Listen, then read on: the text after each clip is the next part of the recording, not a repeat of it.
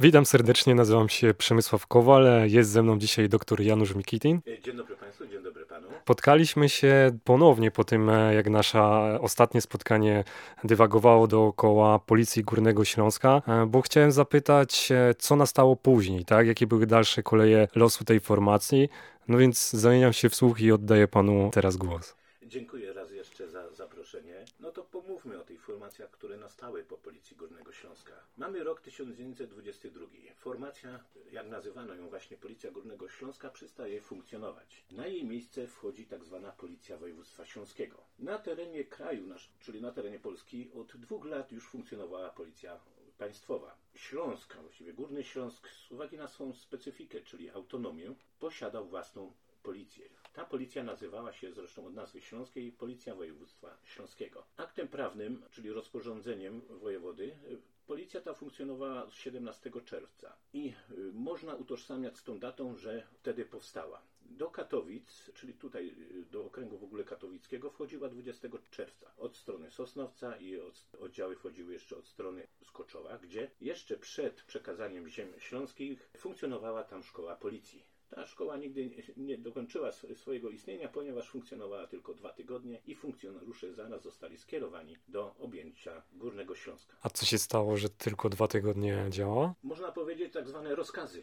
Potrzebni byli tu i teraz. Oni kontynuowali naukę później w Świętochłowicach, i jak y, można to powiedzieć, potrzebni byli tu teraz, żeby przejąć tę ziemię. Czym się różniła ta formacja od poprzedniej w takim razie? Y, poprzednia formacja to była na zasadzie parytetu polska-niemiecka, a tu już mieliśmy do czynienia z typową polską formacją. W tym momencie, kiedy polska formacja objęła te rządy, miała jeszcze te same zadania co poprzednia, czyli ściganie tych kolaborantów, dalej ścierała się z jakąś niemiecką grupą e, polityczną? E, oczywiście, to działo się aż do roku 1939, czyli te starcia właśnie z niemiecką dywersją, e, z, z różnymi no, bandami, można powiedzieć, e, strony niemieckiej. Mieliśmy też swoich bandytów, ale wracając do, do tej formacji, ona powoli przejmowała swoje obowiązki po Policji Górnego Śląska. Tam były wskazywane w rozporządzeniu daty, gdzie ta policja miała w danym miejscu objąć schedę po Policji Górnego Śląska. Te przekazywanie odbywało się, można powiedzieć, pokojowo. E, tak samo na terenach niemieckich e, przejmowała niemiecka policja tereny, e, gdzie funkcjonowała wcześniej Policja Górnego Śląska. Tutaj objęliśmy, objęliśmy w posiadanie, można powiedzieć, no, no ziemię aż pod ta, Lubliniec, Tarnowskie Góry. Niestety tylko trochę części Zabrza, Rudę Ślą obecną Rudę Śląską, Katowice, aż pod Cieszyn, gdzie Policja Województwa Śląskiego łączyła się z Żandarmerią Krajową Śląska Cieszyńskiego. No właśnie, ta autonomia Cieszyna, e, jak oni się dogadywali ze sobą? Nie było tam żadnych problemów? Nie było żadnych problemów i tak mogę powiedzieć, że pierwszym komendantem głównym został szef Żandarmerii Krajowej Śląska Cieszyńskiego, pułkownik Stanisław Modnicki. O, super. W takim razie proszę mi powiedzieć, e, czym się charakteryzował mundur e, takiego policjanta? Czy to jest już w końcu usankcjonowane? To można powiedzieć, że przebiegało powolutku ci policjanci, którzy wcześniej służyli w Policji Górnego Śląska, posiadali dalej te swoje mundury. Nasze magazyny, jak można powiedzieć, nadążały za specyfiką nowego ubioru, produkowano je i, można powiedzieć, w pomalutku, ale policjanci posiadali już swoje y, umundurowanie typowe dla tej formacji. Można powiedzieć, że były, y, to umundurowanie było wzorowane na policji państwowej istniejącej w całym kraju. Tutaj były pewne różnice przy obuwiu, patkach, gdzie na przykład był nasz orzeł śląski. Tym odróżniano nas od policji państwowej, gdzie na przykład formacja miała e, danego województwa literę tam cyfrę rzymską. A w takim razie gdzie znajdowała się komenda główna? Z samego początku przy ulicy Kilińskiego, gdzie obecnie znajduje się może budynek komisariatu trzeciego, e, trzeciego czy bo nie wiem jak tu, nie, pierwszego policji. Później została wybudowana komenda główna, która posiadała budynki szkolne, czyli szkołę policji w roku 1926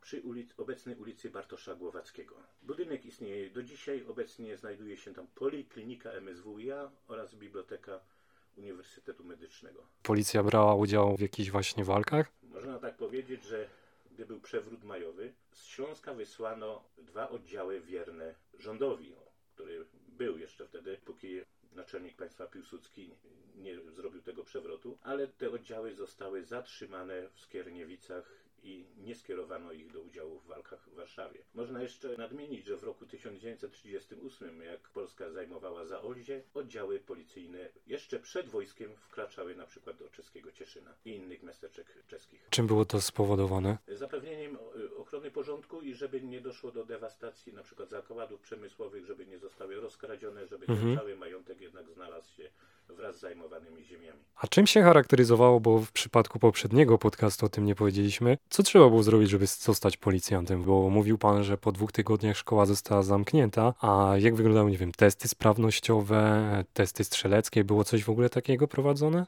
Ona została zamknięta, ale to nie zwalniało od policjantów od nauki, czyli podniesienie swojego rzemiosła policyjnego. Były uznawane kursy doskonalące, które na przykład policjanci odbyli w tej wcześniejszej formacji Policji Górnego Śląska czy w Żandarmerii Krajowej Śląska Cieszyńskiego, ale utworzona została specjalna szkoła w Świętochłowicach. Główna siedziba nie była w Katowicach, ale nie było takich funkcjonalnych budynków, żeby ta szkoła tam w Katowicach zaistniała i przez okres czterech lat funkcjonowała ona w Świętochłowicach. Policjant co tam musiał umieć? Czytać i pisać przede wszystkim oraz y, mieć znajomość miejsca zamieszkania, co jeszcze powinien być niekarany oraz cechować go miał bardzo wysoki patriotyzm. Można powiedzieć, że bardzo dużo byłych powstańców śląskich zatrudniało się w tej policji, jak również byli funkcjonariusze Policji Górnego Śląska. Z biegiem czasu była również ludność napływowa, oni byli tak samo przyjmowani. Przyjmowano też w paru przypadkach fachowców z Policji Państwowej. Zwracano uwagę na to, czy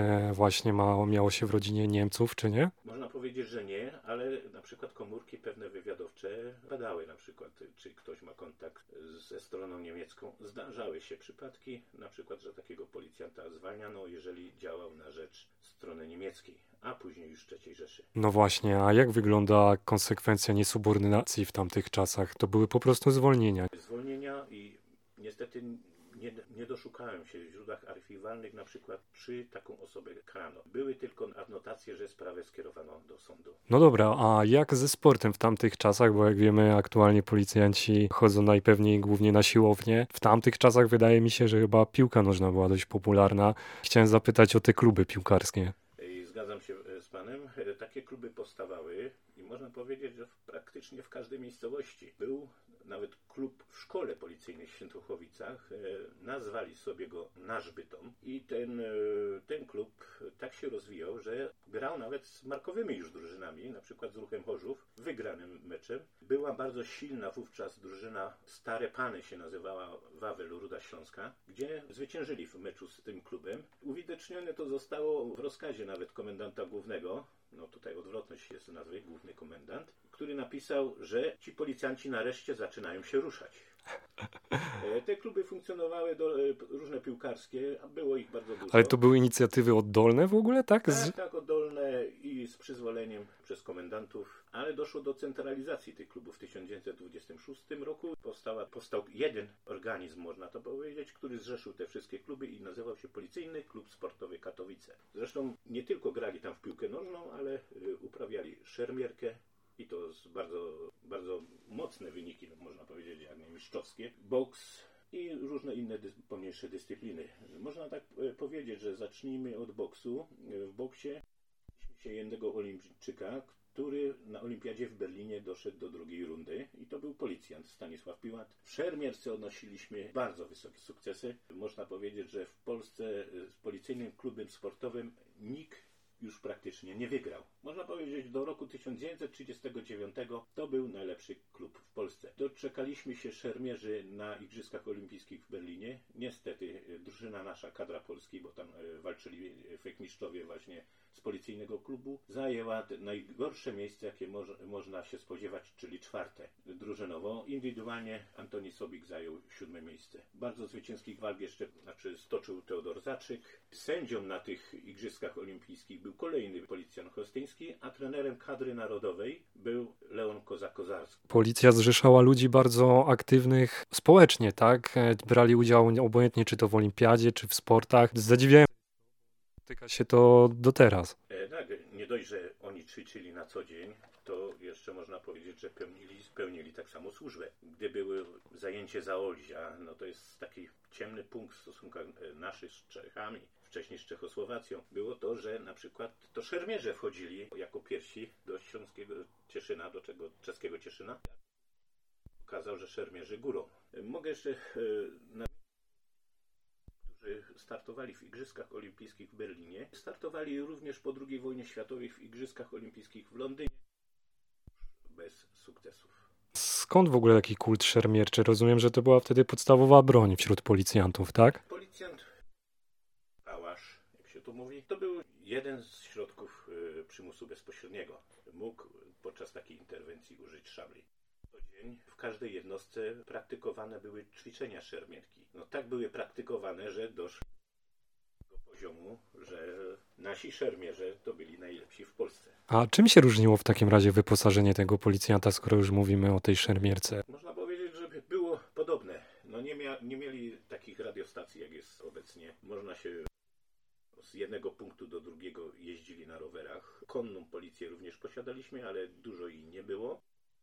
To był karabin, rewolwer u oficera, właśnie ta szabla, no i pałka służbowa, tak jak dzisiaj. Proszę mi powiedzieć, jak wygląda udział tej formacji w II wojnie światowej? Zanim rozpoczęła się II wojna światowa, to policjanci śląscy weź, walczyli z śląską dywersją. Doszło do różnych pojedynków z niemieckimi grupami dywersyjnymi. Ta wojna praktycznie na Śląsku trwała już od sierpnia. Tylko, że były to takie potyczki, można powiedzieć, z oddziałami samoobrony.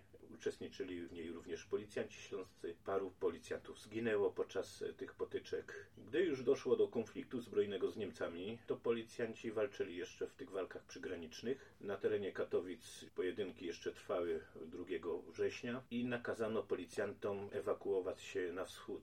Niestety ten los był tragiczny dla naszych policjantów, ponieważ grupa, która dostała się na teren Związku Radzieckiego, można powiedzieć na tereny, które zajął Związek Radziecki po 17 września, została internowana i niestety ogólnie mówiąc w tych dołach katyńskich, bo to zostali zamordowani w Twerze, 3 czwarte garnizonu pozostało na obcej ziemi. Tym, którym się udało, zostali internowani na Rumunii i Węgrzech, ale to była tylko 1 czwarta garnizonu. Czym polegała specyfika działania właśnie w trakcie wojny tych policjantów? Jakie by ich były zadanie, w sensie, które mieli do wykonania? były podobne jak na co dzień jeszcze przed wybuchem II wojny światowej. Mieli gwarancję, żeby były gwarancja porządku publicznego, żeby nie był rozkradziany dobytek. Ponadto część policjantów jeszcze została zaangażowana do oddziałów żandarmerii. Przykład Związek Radziecki napadł na nas z drugiej strony, to dochodziło do potyczek też z armią radziecką.